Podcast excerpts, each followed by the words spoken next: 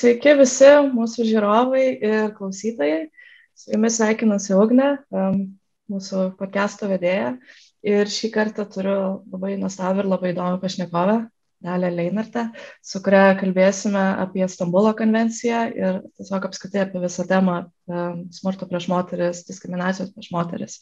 Tai labai malonu, kad prisijungėte ir sutikote dalyvauti mūsų tinklalaidėje.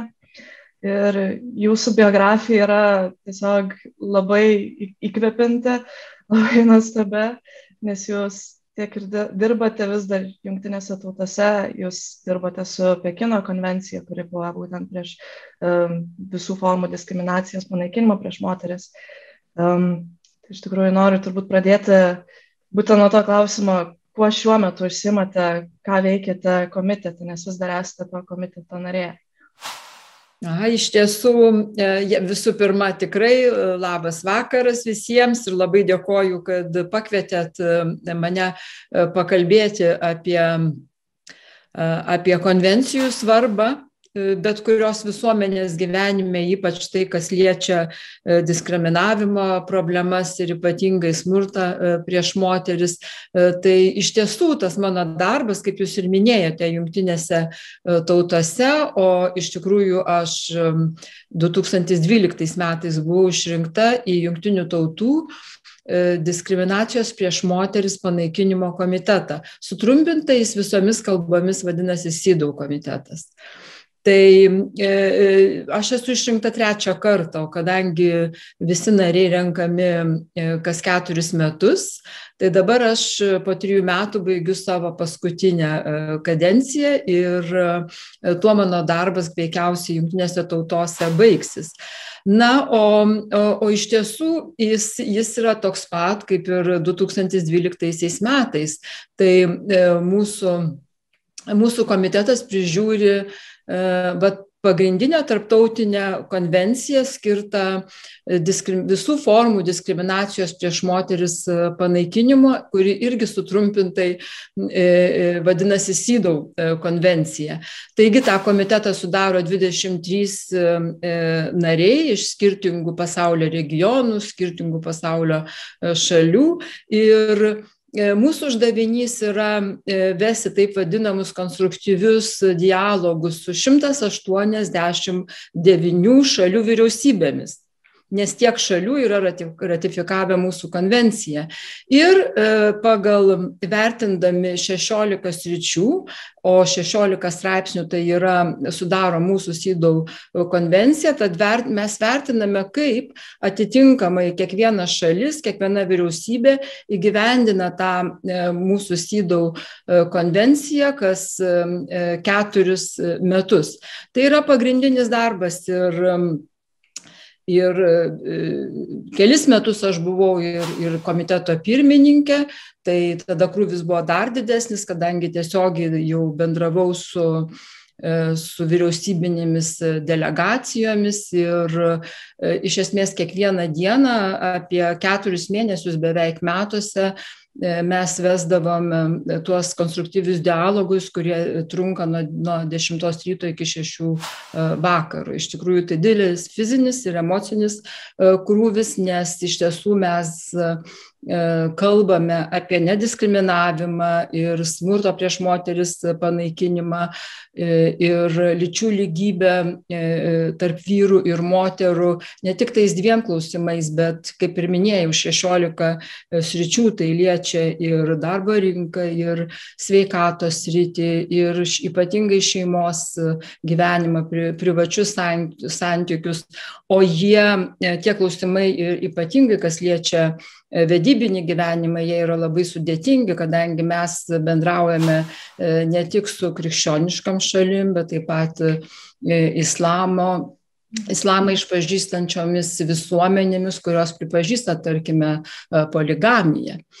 Tai, tai toks yra mano pagrindinis darbas šalia mano tokių akademinių aspiracijų ir akademinių įsipareigojimų. Aš ilgą laiką dirbau Vilniaus universitete E, nuo nuo 2000 metų buvau e, Vilniaus universiteto lyčių studijų centro direktorė, beveik daugiau negu 15 metų, o dabar esu e, Vytauto didžiojo universiteto profesorė ir mano pagrindinė tyrimų sritis yra vėlgi moterų istorija ir šeimos istorija. Aišku, labai ilga istorija, labai, labai įdomu, nes tikrai darbą darote labai reikalingą ir labai naudinga. Um, tai turbūt ir pereisiu prie pačios konvencijos naudos, nes minėjote, kad konvencijos yra labai svarbios. Tai pati ta vadinamoji Pekino konvencija buvo įvesta 95 metais, Lietuva taip pat ratifikavo. Um, o dabar Stambulo konvencija pasirašyta 2011, Lietuva irgi pasirašė 13 metais, tačiau iki šiol neratifikuota. Ir kažkodėl būtent šį kartą kyla tokios didžiulės diskusijos, tokie didžiuliai mitai atsiranda. Ar buvo kažkas panašaus su Pekino konvencija, ar tai yra labai kažkas unikalaus šį kartą ir kodėl iš viso tokia atsiradusi didžiulis toksai pokalbis neigiamas ganėtinai apie šią konvenciją. Aš dabar tik tai turėčiau taip, labai ačiū už klausimą, aš tik tai noriu Aha. šiek tiek e, pakoreguoti.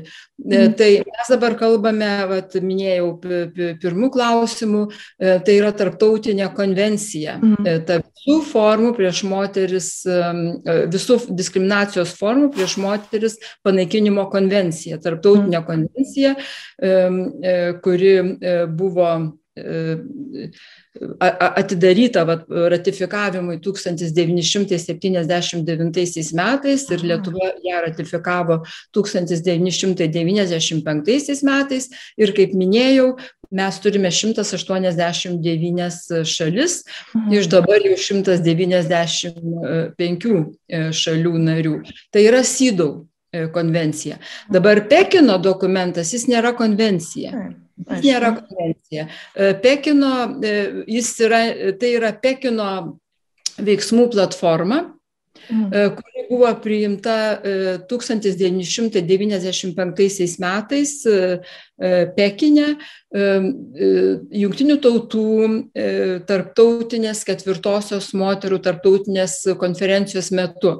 Mhm. Kodėl mes ją minime ir vat, kaip jūs ir, ir, ir sakote, veikiausiai dažnas gali pagalvoti, kad tas dokumentas turi tą na, to konvencijos tokį formatą. Iš mhm. tiesų ne, jis yra nepaprastai, nepaprastai e, svarbus e, e, moterų teisių srityje, moterų istorijos srityje, nes pirmą kartą, tais 1995 metais, vad Hillary Clinton, ji tuo metu pasakė, kad tą tokią sparnuotą frazę, kad moterų teisės yra žmogaus teisės. Tai va mhm. ten buvo ištarta e, šita, šita, šita frazė.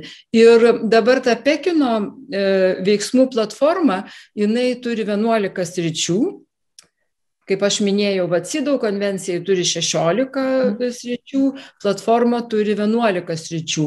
Ir ten dalyvavusios šalis narės, visos šalis narės, kurios, kurias jungia jungtinės tautos, jos įsipareigojo, bet tai yra įsipareigojimas, įsipareigojo vykdyti, grįžusios namo, vykdyti va, tą Pekino veiksmų platformą. Tačiau tai nėra dvišaliai susitarimai. E, mhm. Nes konvencija tai yra tarptautinis arba regioninis dokumentas, e, kuriuo metu šalis narė pasirašo, po to ratifikuoja tą atitinkamą konvenciją. Tai yra toks va, dvišalis susitarimas. Tai e, ta Pekino veiksmų platforma, jinai tiesiog yra e, be galo svarbus dokumentas, kadangi pirmą kartą e, Sydau konvencija, Sydau konvencija savo tokiu atskiriu dokumentu 1992 metais pirmą kartą pasaulio istorijoje apibrėžia, kad smurtas privačioje aplinkoje, na mes turim galvoje šeimoje, nėra asmeninis ir privatus reikalas o tai yra viešas reikalas. Ir vyriausybės turi taikyti e, visas joms prieinamas priemonės, kad užkirsti tą smurtą e, artimoje aplinkoje ir šeimininiam gyvenime. Ir kitaip tariant, vyriausybės tampa atsakingos už tai, mhm. kas vyksta šeimoje. dėl diskriminavimo prieš moteris ir smurto naudojimo privačioje aplinkoje. Tai, tai dabar čia 92 metai. Sydau, Sydau vienas iš Sydau teisinių dokumentų, jis, jis apibrėžia va šitą smurtą kaip viešą, viešą interesą, kaip vyriausybė privaloma vykdyti na, to, to, to, tokį principą. Tačiau e, dabar Pekino veiksmų platformoje, kuri po kelių metų jinai buvo priimta 1995 metais, tai taip pat yra e, kalbama jau, kad e, kad ir smurtas yra vienas iš tų vienuolikos sričių, taip pat yra apibrieštas, bet, bet jis yra toks nėra privalomas šalims narėms. Jis yra rekomenduojamas ir šalis narės pasirašė e, tuo metu dalyvavusios toje Pekino e, e, konferencijoje, tačiau e, tai nėra, nėra toks teisinis dokumentas tolygus konvencijai. Dabar mhm. Stambulo konvencija tai yra regioninis tarptautinis dokumentas, regioninė konvencija. Ir dabar pirmiausia, kuo jos skiriasi nuo, nuo Pekino veiksmų platformos ir netgi sakyčiau nuo Sydau konvencijos, tai laikas. Tai jeigu Pekino konvencija buvo priimta 1995 metais, tai Stambulo konvencija 2011 metai. Mm. Tai iš tikrųjų didelis laiko tarpas, per tą laiko tarpą e, e, smurto formos yra pripažįstamos jau visiškai kitos negu kad tai buvo 95 metais ir E, daugybę kitų įrankių, kuriais mes galime suvaldyti tą smurtą prieš moteris įvairiose visuomenėse, tai iš tikrųjų jau jie yra visai kiti, jie yra pažengę. Tai be jokios abejonės, čia vien tik tai e, laiko klausimas e, yra yra visiškai kalba Stambulo konvencijos naudai ir todėl Stambulo konvencija jinai yra paprasčiausiai tiesiog, jeigu taip e, paprastai tariant, tai yra rinkinys pačių geriausių praktikų, kurio, e, e, kurio, kurios buvo įgyvendintos arba dabar įgyvendinamos ša, įvairiose šalise, kovojant su smurtu prieš moteris ir vaikus. Tai ir to, to, ne, to nebuvo Pekino veiksmų platformoje, nes Stambulo konvencija, kaip minėjau, tai kaip praktinis, tokį, kaip, kaip praktinis įrankis, jisai kalba mhm. apie tokius labai konkrečius dalykus, tarkime, kiek krizių namų turi tekti tiek ir tiek tūkstančių gyventojų, kokio kiek, kokios trukmės turėtų būti apsaugos nuo smurto orderis, įteisintas e, e, šalių įstatymuose. Labai konkretus dalykai. Kokios yra smurto formos, kaip smurtą suvaldyti krizių, konfliktų metu. Tai, tai yra pirma tokia, e, pirmas toks dokumentas, pirma tokia konvencija apskritai globalių mastų kurioje, kaip minėjau, yra iš esmės atsakymai į, į, pateikiami labai įvairiapusiai, nes jie įtraukia ir tiesioginę kovą e, su smurtu ir taip pat atkreipia dėmesį, o kasgi yra tos smurto prieš moteris priežastis. Ir čia yra kalbame apie tą struktūrinę lyčių neligybę, e, nes būtent diskriminacija prieš moteris ir sukuria e, tas e, pagrindinės tokias, nu, pagrindinė, pagrindinės galimybės smurtauti prieš moteris tokiuose patriarchalinėse visuomenėse, kokiuose yra ir Dilina ir Lietuva. Mm. Tai taip, um, kaip tik užsimenėte apie tas labai praktiškus tokius patarimus konvencijoje, nes pati ją perskaičiau ir tikrai nėra tik tai tiesiog paaiškinta, kas yra smurtas, bet tiesiog paminėta, kad įtraukiamas švietimas, įtraukiama vyriausybė, organizacijos. Um, maždaug ko, galbūt žinotumėt, ką jau davė SIDAU e, konvencija ir ką galėtų duoti uh, Stambulo konvencija būtent toms organizacijoms, kurios dirba su E, smurtu, ar tai būtų finansavimas, ar tai būtų tiesiog daugiau dėmesio toms problemams, kad daugiau dėmesio krizių centrai sulauktų, nes dažnai trūksta finansavimo ar trūksta specialistų, kurie ten dirba. Tai, tai, taip, taip, tai, be abejonės, taip, be abejonės, tai finansavimas pirmiausia, nes jeigu šalis ratifikuoja tarptautinių dokumentų, šiuo atveju galime kalbėti apie E, gerai Stambulo konvencijos ratifikavimą, kaip ir Sydau konvencijos ratifikavimas, kad buvo e, Lietuva, Lietuva ratifikavus 95 metais. Tai be abejonės, kai šalis e, ratifikuoja tokį tarptautinį dokumentą, čia jis jau vis, šalis įsipareigoja vykdyti jį. Tai vykdyti jį turi būti skiriami žmogiškieji ir, finans, ir, ir finansiniai resursai, be jokios abejonės. Kitos šalis, mes žinome, žinomegi praktika, kitos šalis e, ratifikuoja netgi po to, kai jau iš esmės jau jie yra pakely didesnę dalį jau jie sugeba įgyvendinti tam tikros e, konvencijos reikalavimus. Ir tik po to tada jie ratifikuoja. Mhm. Tai E, tam, kad tas e, e, tų reikalavimų gyvenimas neužtruktų pernelyg ilgai, kai jau šalis yra ratifikavusi vieną ar kitą konvenciją. Tai, tai čia vienareikšmiai. Mhm. Ratifikavus Stambulo konvenciją iš tikrųjų būtų įsipareigota vykdyti jos tuos principinius reikalavimus. Ir, ir aš norėčiau atkreipdėmėsi, kaip jūs labai gerai klausėte, o kas iš tikrųjų kokia pagalba ateitų nevyriausybinėm moterų, moterų organizacijom. Mm. Na tai iš tikrųjų, jeigu konstruktyviai vykdant bet kurią konvenciją, tai kaip ir minėjau, ir jūs, ir jūs paminėjote, tai turėtų ateiti didesni finansai tom nevyriausybinėm organizacijom. Bet man būtų labai svarbu pabrėžti čia kitą aspektą, nes mūsų nevyriausybinės organizacijos daugumą atveju arba absoliučia dauguma atvejų, tai moterų nevyriausybinės organizacijos, jos, e, jos dirbo šioje, šioje srityje jau dešimtmečius. Iš esmės, po, po iš karto po 90-ųjų metų ir, ir neatsižvelgdamos į tai, e, buvo tas finansavimas ar, ar nėra to finansavimo, ratifikuota Stambulo konvencija ar ne. Bet dabar žiūrėkime, jeigu mes ratifikuojam Stambulo konvenciją, kaip, kaip, kaip turėtų ir iš esmės e, pagerėti, e, tapti žymiai konstruktyvesniu nevyriausybinio organizacijų darbas, kadangi jos dabar iš esmės jos gesina gaisrus. Mhm. Jos tengiasi padėti savo pačių pajėgom arba ten gaudamas kažkokius tai pinigus iš vyriausybių ar iš tarptautinių organizacijų, jos tengiasi padėti smurto, smurto aukoms. Bet jos pačios savaime negali vykdyti pilnai šimtų procentų prevencijos.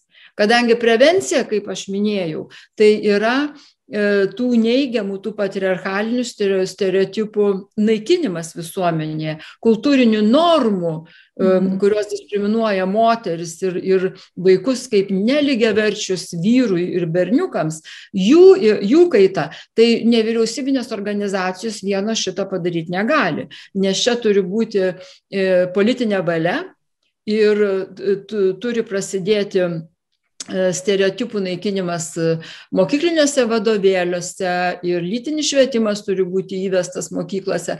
Tai, tai kai tu tik tai gesini gaisrą, bet iš tikrųjų iš paskos tau mokytojas pasakoja, kad tai vyras turi, e, turi sakykime, kokybiškai geresnės smegenis būti, būti vadovu ar ten būti matematiku ir kad vyras yra šeimos galva ir kad nevienodai turi būti priimami sprendimai um, liečianti šeimą ir kad mama yra vaikų prižiūrėtoja didesnė dalimi, o, o vyras yra e, tas e, duonos, taip sakant, mhm. parnešėjas ir uždirbėjas. Tai tų gaisrų gasinimas niekada nesibaigs.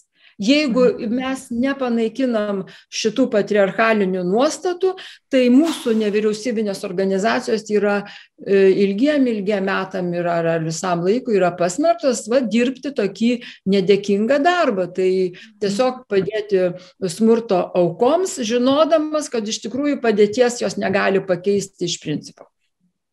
Labai sudėtinga šitą situaciją, nes man atrodo, kad daugiausiai būtent ir kilo viso tokio sambražio dėl to, kad va, švietimą nori pakeisti ir tenais kai kurias knygas išimti iš, irgi, iš, iš, iš, iš knygynų mokyklose. Ir buvo dėl to sambrasdis kilęs, kad va čia tradicijas taiga pradedam naikinti, va čia buvo mūsų tokios ir tokios uh, dainos, ar va čia tokie filmai, ir va čia yragi mūsų kultūra, kaip mes čia galim dabar ištrinti tai. Dėl to buvo gan nemažai komentarų iš žmonių Lietuvoje. Uh, Nes irgi galima kultūrą keisti, galima kritiškai žiūrėti ir į tuos visus um, filmus, į knygas, į visus anegdotus, kurie praeitie buvo, nes na, vis tiek dabar 21 amžius jau, ne, jau gyvenam kitų laikotarpių. Tai iš tikrųjų, ką galima dar būtų su švietimu, kurio jau užsiminėte, kaip galima būtų efektyviai jį panaudoti, nes irgi Lietuvoje vis prastin situacija tiek su uh, ką skaityti mokytojų irgi trūkumas. Pati užaugau 90-aisiais irgi buvo gan nemažai tos temos apie lytinį švietimas, buvo berniukas mergaitė tik po vestuvių ir nieko daugiau. Berniukai čia stiprieji, mergaitės čia silpnasios. Um, dabar net nebežinau, ar situacija jau gerėja bent kiek mokyklose. Um, bet dabar, manau, internetas vien jau padeda, kad galima tiesiog atrasti pačiam informaciją. Tai kaip švietimas ar bent jau mokyklos galėtų pasinaudoti tuo, kad mes gyvename labai technologinėme pasaulyje, kad kaip pasitelkti tą naują informaciją, kaip pasitelkti tiesiog naujus šaltinius. Galbūt turite kažkokių idėjų. Čia iš tikrųjų yra toks užburtas ratas. Jeigu visuomenė būtų e, e, laiku vat, gavusi tą lytinio švietimo tokį paketą e, mokyklose, tai ji, bu, ji puikiai žinotų iš tikrųjų, e, kas yra ta e, diskriminacija prieš moteris, kaip ją, kaip ją atpažinti ir kokios jos priežasis. Ir tuomet, ir tuomet įstatymai, kurie dabar yra priimami neva vardan apginti moteris prieš, prieš smurtą artimoje aplinkoje, taikant smurtą prieš šias artimoje aplinkoje, tai visuomenė iškart suprastų, iškart suprastų, kad, sakykime, tie įstatymai yra arba lyčiai neutralūs, o tai reiškia, jie nepadeda kovoti su smurtu prieš moteris, arba jie atvirai yra, kaip mes sakome, nedraugiški įstatymai prieš moteris. Ir aš galėsiu pateikti tuos kelis pavyzdžius. Bet dabar visuomenė nuo pat 90-ųjų metų, e, aš ne, net nekalbu jau apie tai, kas vyko sovietmečiu, tai ji nebuvo mokoma, e, tiesiog jinai yra neraštinga. Moterų teisų srity, lyčių lygybės srityje mūsų visuomenė yra neraštinga. Todėl jei kitose srityse, e, tarkime, imkime ir politinį gyvenimą, iš tikrųjų mūsų visuomenė gana, gana jinai konstruktyviai orientuojasi ir, ir ir niekam čia nešautų į galvą, tarkime, vis dar kelti kokį nors abejonių, e, kas buvo mūsų miško broliai, partizanai, e, ar banditai, ar, ar laisvės gynėjai, nes visa tai nuo 90-ųjų metų iš tikrųjų buvo dėtos didelės valstybės, e, na, tokios lėšos ir jėgos ir, ir ir buvusių disidentų, ir daug nevisuomeninių organizacijų. Ir politiškai, aš sakyčiau, geopolitiškai mūsų visuomenė yra pakankamai pakankamai tokia konstruktyviai mąstanti. Tačiau kadangi nuo 90-ųjų metų nebuvo kalbams apskritai apie, galima sakyti, apie žmogaus teises profesionalių lygmenių, o apie lytinį švietimą aš nekalbu, nes jeigu galima prisiminti, kad jeigu Švedijos mokyklose lytinis švietimas ir ne tas, apie kurį jūs minėjot, kad mergaitės ir beniukai po vestuvių, bet tikrasis lytinis švietimas apie e, įvairias e, litiškumą, seksualumą, seksualumo formas ir taip pat įtraukiant lytinio e, gyvenimo klausimus buvo pradėtos 1955 metais. Tai pas mus, mūsų nevyriausybinės organizacijos e, mini, kad to lytinio švietimo ir dabar nėra. Tai dabar faktas yra tai, aš galiu pasakyti, kad e, dabar galime grįžti prie tų netobulų įstatymų, kurie yra dabar vis priimami vietoj, kaip sakoma, dėl vietoj Stambulo konvencijos. Nes e, mūsų politikai e, dabar labai dažnai mėgsta kartoti, kad mes turime visus reikalingus įstatymus apginti moterį nuo smurto artimoje aplinkoje. Ir taip pat antidiskriminacinius įstatymus ir todėl mums Stambulo konvencija nereikalinga. O kaip aš minėjau, ta Stambulo konvencija yra paketas, yra visiškas e, įvair, įvairiapusis paketas, kuris, e, e, kuris duoda visas reikalingas gairias šio laikinės, kaip kovoti prieš prieš smurtą ir diskriminaciją. Tai dabar mes einame kitų kelių. Mes 2013 metais pasirašėme tą Stambulo konvenciją, bet procesas sustojo ir dabar mes priimam arba naujus e, įstatymus, tiesą sakant, nu, 2011 buvo priimtas artimoje aplinkoje ko, kovai su smurtu artimoje aplinkoje įstatymas, kuris tuo metu atrodė pažangus, dabar jis yra e, visiškai atgyvenęs. Ir tobulinam esamus tuos įstatymus, galvodami, kad mes pakeisime tuo Stambulo konvenciją. Tai aš dabar pateiksiu keletą pavyzdžių, kuriuos, jeigu mūsų visuomenė būtų išprususi moterų teisų srityje ir lyčių lygybės srityje, ji iš karto blokuotų iš karto e, taip kaip kokiais geopolitiniais klausimais jų taip sakant nebūtų galima apgauti nei vyrų nei moterių dabar yra tyla nes neįmanoma atpažinti. Dabar imkime tokį e, e, vieną įstatymą. Du tūkstantis aštuntaisiais metais buvo priimtas mediacijos įstatymas Ir e, tas vat, e, mediacijos įstatymas, jis dar buvo papildytas, e, kad mediacija yra privaloma šeimos ginčio atvejais. Tai žodžiu, visose kitose srityse mediacija yra neprivaloma ir kas iš tikrųjų, iš tikrųjų palengvina žmogaus gyvenimą, galų galia taupo jo jėgas ir pinigus neiti į teismą, nes situacijų gyvenimiškų yra ir versle, ir visur kitur labai daug. Tačiau Vienintelis straipsnis tame įstatyme, mediacijos įstatyme sako, bet mediacija yra privaloma visais šeimos ginčių atvejais. Tai reiškia, jeigu, e, jeigu moteris nusprendžia, o, o dauguma atvejų tai yra moteris, e, e, kurios teikia prašymus išsiskirti dėl dėl smurto, dėl psichologinio, emocinio, fizinio smurto ir dėl kitų priežasčių, tai, tai ta mediacija jinai bus, jinai bus privaloma jai. Tai reiškia, kad mūsų valstybė moko moterį, kuri jau šiaip netaip apsisprendė, žodžiu, nutraukti tuos, e, tuos neligiaverčius santykius, sako, ne, ne, dar palaukit.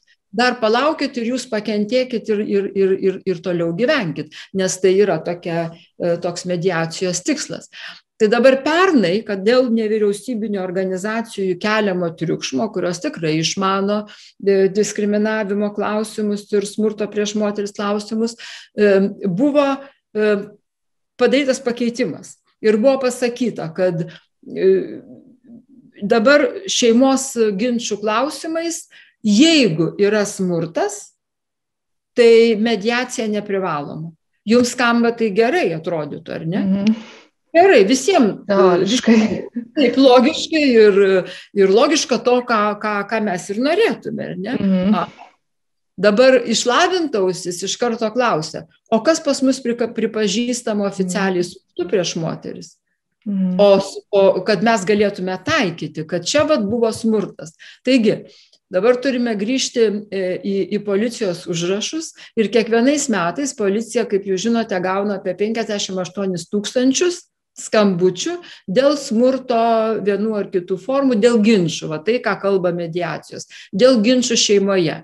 Ji nuvyksta ir iš 58 tūkstančių tik tai 7 tūkstančius, 7 tūkstančiam atvejam pradedamas iki teisminis tyrimas. Tik 7 iš 58. Ir iš tų 7 tūkstančių jau pradėtų iki teismio tyrimų, didesnė turbūt dalis nubyra nebelieka to iki teisminio tyrimo. Taigi dabar Mediacijos įstatymas, tas, kuris buvo pakeistas pernai, jis turi galvoje tik tai tie šeiminiai ginčiai, kur jeigu jie po to e, išsiritulioja iki skirybų, kas būtų logiška, jeigu jau, jau, jau tu kvietie, kvietiesi policiją. E, smurtų yra laikomas tik tai, tik tai tie atvejai, e, kuriuose jau yra užfiksuotas ir vykdomas iki teisminis tyrimas. Tai reiškia 58 tūkstančiai konfliktų, ginčių ir tik tai vos keli tūkstančiai, kuriems ta mediacija nebus taikoma. Tai nieko bendra su Stambulo konvencijos dvasia neturi, nes mhm. Stambulo konvencijoje yra sakoma, mediacija turi būti prieinama kiekvienoje, kiekvienoje šalyje, bet į jokių būdų neturi būti privaloma. Ir mhm. tarkime, Amerikoje, kuri tą mediaciją taikė labai anksti, jie perėjo visą tą ratą ir iš karto suprato, kad mediacija, vat, mėginant sutaikinti besiskiriančius subtoktinius, yra iš tikrųjų e, pasmerkta žlugti ir jį veda į dar didesnį smurtą prieš moteris ir labai neretai į jos nužudimą arba vaikų. Tai ten, ten yra dabar prie, šeimos ginčio atveju, nu ką mes turime galvoje, tas skirybas daugiausia, mediacija yra privaloma, jeigu šeima nesutarė dėl vaiko priežiūros kas dabar ir tėvam taip iš tikrųjų įsitraukiant į vaiko priežiūrą labai dažnai norima turėti 50-50 procentų. Tai va čia mediacija padeda arba turto dalybos. Dabar dar galiu dar vieną įstatymą e, e, priimti, kuriuo šiemet buvo taip džiaugiamasi ir net ir nevyriausybinės kai kurios organizacijos, nežinau, visuomenė e, taip džiaugiasi ir politikai taip gyrėsi dėl persekiojimo. Mhm. Įstatymas dėl persekiojimo. Dabar e, šitas įstatymas jis vėlgi, e, jis vėlgi netitinka Stambulo konvencijos dvasios, nes visų pirma, jis kalba ne apie e, nusikaltimą, persekiojimą kaip nusikaltimą. Ne, jam duota gradacija baudžiamasis nusižengimas. O tai iš tikrųjų yra visiškai netitinka to, ką, ką, ką mes iš tikrųjų laikome, kas yra um, moters persekiojimo labai dažnai, moters persekiojimo atvejais. Vadinasi, toks vad būdžiamasis kodeksas, jis niekada nesulauktų iš tikrųjų e, didelio atkirčio, nes pats persekiojimas yra pas mus šiemet apibrieštas kaip, e, kaip nusižengimas. Tai ir dabar įmant kiekvieną įstatymą, jeigu jūs manęs klaustumėte, aš jums jį vat, e, išaiškinčiau lyčių lygybės kalbą. Aha, tai šiek tiek vilties mažėja, nes labai taip liūdnai iš tikrųjų skamba, nes dažnai girdėjau, kad va čia Stambulo konvencijos nereikia, nes taigi turim konstituciją, kurią apgina, taigi tiek įstatymų visokių turim, bet iš tikrųjų situacija visai kitokia um, ir taip. tikrai tikrai liūdna situacija čia. Nelabai yra ko gražinti, nes pati gyvenu netoli krizių centro, tiesiai po langais, tai dažnai netgi šalia gyvenant girdisi ir, ir ginčiai girdisi ir, ir problemos ir tiesiog sunku, kad matosi irgi, kad nėra lengva situacija krizių centre, kad vien, ir, nes vien moteris su vaikais gyvena ir, ir tikrai Taip. širdis tikrai, tikrai vyra girdint. Ir šiuo atveju vat, norėčiau priminti, kad dabar vėl yra teikiamos, vėl atseit gerintis tam, nu, priimami, priimamas pataisos vietoj Stambulo konvencijos ratifikavimo ir na čia tai tiesiog jau akibrokštų būtų galima pavadinti.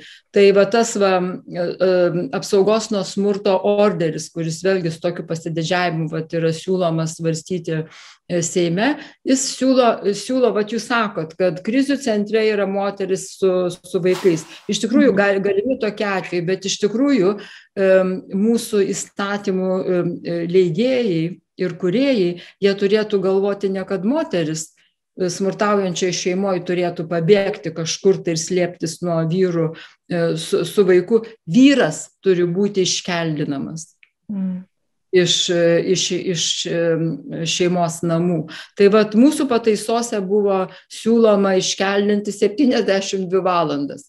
Tai, na, tai tiesiog yra, yra toks visiškas nesupratimas, ką reiškia tas smurto apsaugos nuo smurto orderis, nes mhm. gerose praktikose ES šalyse jis yra taikomas mažiausiai 10 dienų iki 4 savaičių ir ilgiau. Mhm. Taip, 72 valandas tai tikrai per trumpai, nes dažniausiai tada būna vyras sugrįžta gal net agresyvesnis ar dar labiau eskaluoja visas smurtas. Tai jis jau yra buvę tokių situacijų, kad kaip ir vyras iškeldinimas, bet tada moteris dar labiau bijo, kad sugrįš jisai anksčiau ar vėliau.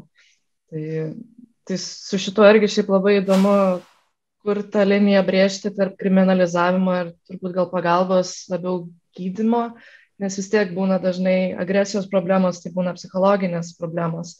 Um, tai kas būtų netgi geriau, ar suteikti kažkokį irgi labiau daugiau krizių centrų vyrams, kad suteikta pagalba agresijai kažkur padėti išreikšti, ar tiesiog psichologinės, psichologinės pagalbos suteikimą. Uh, nes irgi kriminalizavus ir iškeldinus ar į kalėjimą pasodinus agresija neišnyks, tas pyktis neišnyks. Tai kur šitą liniją dėti ir kaip Tai čia be abejonės, jeigu mes, bet, bet pirmiausia, reikia pripažinti, kad tas smurtas prieš moteris egzistuoja, pirmą. Mm. Antra, mes turime pripažinti, e, kad e, nors dabar pasigirsta vat, iš vyrų E, dirbančių žmogaus teisų srityje e, netgi tokių minčių, kad e, reikia nustoti kalbėti apie smurtą prieš moteris, nes yra taikomas smurtas ir netgi prieš vyrus. Tai vad, jeigu mes dabar eisim šitą linkmę, tai niekada valstybė nepasirūpins, kad smurtautojas iš tikrųjų, kaip jūs sakote, tai neužtenka jo taip kriminalizuoti, jį uždaryti, e, kas, kas jis nėra netiek uždaromas, tiesiog jam, jam jo paties E, finansavimu jis tiesiog turi nesertinti iki namų tam tikrą laiką. Tačiau be, be jokios abejonės, be psichologinės ir turbūt klinikinės pagalbos e, tiems smurtautojams, jis neišsigydys e, mhm. šitų įgūdžių, šitų, nu, kaip jie angliškai vadina, harmful practices. Mhm. Tai ne, jis, jis, jis liks smurtautoju, jis niekada nesupras e, savo klaidos, jis niekada nesupras, kad jis daro kažką blogai, nes jis supranta, jį valstybė taip moko, jisgi yra e, šeimos galva. Tai be jokios abejonės, kad ta pagalba smurtautojui, to, ta tokia medicininė pagalba, jinai yra būtina. Bet valstybė turi pripažinti, kad jis yra smurtautojas, kuris smurtauja e, prieš E, prieš moterį. Mm. Tai irgi nėra labai lengva padaryti, nes irgi labai būtų taip pat įdomu jūsų mintis išgirsti apie tokį gan dažną Lietuvoje ir populiarų dalyką, kaip tiesiog smurto rodimas televizijoje. Turim apstu laidų, TV pagalba 24 valandas, kur būna ir režisuota, ir nerežisuota, kur tiesiog rodomas smurtas šeimose, kur dažnai būna tai tiesiog kaip entertainment, kad va, ten nuvažiuoja kažkoje kaimelį ir tenais mušasi ir čia kaip juokinga juk visiems. Tai iš tikrųjų, kodėl tos laidos vis dar yra, kodėl jos nėra iš tikrųjų ne, nelegalizuojamos, kaip ir dėl vaikų apsaugos įstatymo, kur irgi vaikai nega, neturėtų matyti smurto televizijoje. Tai irgi ar jos neturėtų būti sustabdytos, ar bent jau turėtų būti kažkokie pranešimai priežiūrint laidą, kad tai bus smurto pilna toje laidoje, nes jos tiesiog padaro visą smurtą tiek prieš moteris, tiek prieš vyrus, ypač tiesiog kaip pajokų, pajokas prieš visą tautą. Tai čia vėl mes grįžtame prie to paties. Jeigu visuomenė būtų e, išlabinta ir ga, būtų gavus tą ABC lyčių mhm. lygybės srityje, jinai suvoktų, kas yra smurtas prieš moteris, kokia tai yra problema, kad tai yra iš esmės jų kaip mūsų kaip visuomenės gyvenimo kokybės yra tiesiog visiškas paneigimas. Tai, tai turi įtaką tas smurtas prieš moteris, nesvarbu, kad tavo šeimo to, to nėra, bet tu gyveni šalia smurtaujančių šeimų. Ir lygiai taip pat, kaip aš nemanau, kad turtingas žmogus gali gyventi patogiai, jeigu jisai mato gatvėse ten maldaujančias išmaldos prašančias senutes ir pardavinėjančias E, gėlės. Tai žinoma, galima užsidaryti ten kokiam e, laurų kvartalė ar dar kažkur, bet iš tiesų tu negali jaustis gerai visuomenėje, net jeigu tu pats nepriklausai e, tom, žodžiu, socialiai rizikingom grupėm, tu negali jaustis normaliai ir gerai tokioj visuomeniai. Aš taip galvoju. Tai dabar čia vėl, vėl viskas e, grįžta. Visuomenė jinai, jinai nesupranta nei tos, visuo, nei, to, nei to smurto prieš moteris ir to smurtautojo pačio tragedijos, nesupranta klausimo esmės ir todėl negali atpažinti. Ir todėl tai jie vertina tai, kaip jūs sakote, kaip e, tiesiog kažkokią tai, e, nu, tokią e, entertainmentą, kaip mes sakome. Čia tiesiog e, kaip, kaip juoką, kaip jų, jų neliečianti dalyką. Jeigu jie suprastų taip, kaip at, aš e, bandžiau išlūkštenti tuos mūsų priimamus arba taisomus įstatymus, tai pati visuomenė visų pirma atsisakytų žiūrėti tokias laidas ir jos nebetektų aktualumo. Čia mes vėl su, su, sueinam į tą e, būtent Stambulo konvencijos pagrindinį dalyką, kad visuomenė turi būti mokoma kas yra smurtas ir kas yra jos priežastis. Bet mūsų visuomenė, be e, skatinama politinės valios, jinai būtent ir prieštarauja. Mes sakome, mes, jūs sako, mes visi esam prieš smurtą prieš moteris, mes jo nenorime, bet jie nesutinka, kad kad būtų jiems e, nuo mokyklos suolo išaiškinta, O kas yra tos smurto priežastys? Va, jie, kaip jūs ir sakote, dėl ko mes ne, negalim ratifikuoti Stambulo konvencijos? Dėl to, kad mūsų visuomenė atsisako mokytis apie smurtą. Kai mes atsisakom mokytis, mes liekam šitoj srity neraštingi. Kai mes esam neraštingi, mes priimame nedekvačius įstatymus ir mes žiūrime laidas, kurios iš tikrųjų e, e, yra, yra neprimtinos ir, ir gėdingos. Mm. Tai atrodo, kad taip praėjo 30 metų ir nuo Sydau ir dabar kalbas apie Stambulą. Ar yra kažkur vilties? Nes atrodo, klausant, žiūrint, kas vyksta, skaitant Delfi komentarus, skaitant internete visokius straipsnius, atrodo, kad tiesiog nėra vilties progresuoti, nėra vilties mokytis. Uh, Um, ar, ar matot kažkur vilties tą progresavimą, ar per 30 metų vis tiek turėjo būti pagerėjusi situacija? Aš kiek, aš kiek kitaip matau, kai, kai manęs tie klausia, jo, ar ta situacija išlieto gerėja. Jeigu bendrai kalbant ir tada labai, na, toks nepasitenkinimas atsiranda iš tų klausiančių, jie sako, kaip tai vis tiek mūsų visuomenė šio klausimu gerėja. Aš sakau, kad negerėja. Jeigu jūs klausėte bendrai ir situacija gerėja, jinai negerėja. Bet yra, yra kitas požiūris, kurį aš propaguoju ir esu pilnai įsitikinus, mūsų visuomenė gyvena segmentais ir jie progresuos labiau. Tai yra, kad kai kurie segmentai, kaip jūs ir sakote, tai yra tam tikros visuomenės grupės, tam tikros šeimos, tam tikros poros, kurios nieko bendro jau va su šituo tokiu e, bendru nesusivokimu neturi. Jos seniai gyvena taip, liktai ta Stambulo konvencija jau e, jų tarpusavės santykiuose gyvenimo formos jau seniai būtų ratifikuota.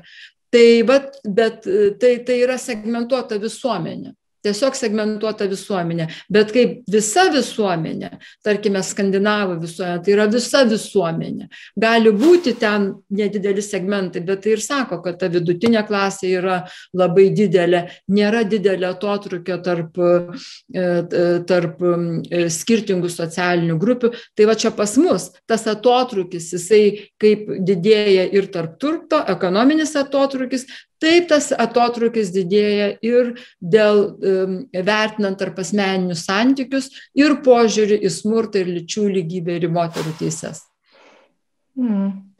Tai tada reikia tikėtis, kad ir visi kiti segmentai kažkaip tobulės, nes pati esu užaugus provincijoje, dabar gyvenu Vilniuje, tai vis tiek skirtumas didžiulis, kaip, kaip ir švietimas eina, kaip pati visuomenė, kad ir daugiau prieimimas kitų lytinių mažumų, kitų seksualinių mažumų, ko mažose miestuose vis dar nėra, nors tai jau 2021 tas pats 2000-aisiais buvo, tas pats ir dabar.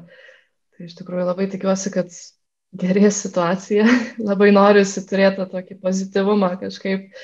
Um, nes iš tikrųjų tada pabaigai, ar turite kažkokių um, kaip ir palinkėjimų, ar idėjų, kaip, kaip gerinti visą šitą situaciją, ypač Lietuvoje, kad ta statistika, ypač smurto, nedidėtų ir kad būtų na, saugiau visiems gyventi, kad visom mažumom um, lytiniam, seksualiniam, kad tas diskriminacija šiek tiek sumažėtų bent jau porą procentų. Tai aš matau tą, kaip ir minėjau, tą vienintelį e, kelią, kurį aš e, propaguoju ir išpažįstu, e, tai aš esu pilnai įsitikinus tą, tas segmentuotą visuomenę, mes galim tik tai plėsti jų mhm. skaičių ir plėsti jų jų atsiradimo įvairiose, ne tik miestuose, bet ir, ir, ir regionuose, tų pozityvių segmentų. Tai vad jūsų laida Ir jūsų darbas tiesiog yra labai svarbus čia, jis prisideda. Mhm. Tai va tik tokiu būdu mes galime didinti ir skatinti tų segmentų, pozityvių segmentų atsiradimą. Tai prie to ir tada dirbsim toliau. Tai tada labai dėkui iš pokalbio, labai daug sužinojau ir labai, labai įdomu buvo. Tai labai ačiū, kad prisijungėte. Ačiū, ačiū labai ir iki. Iki. iki.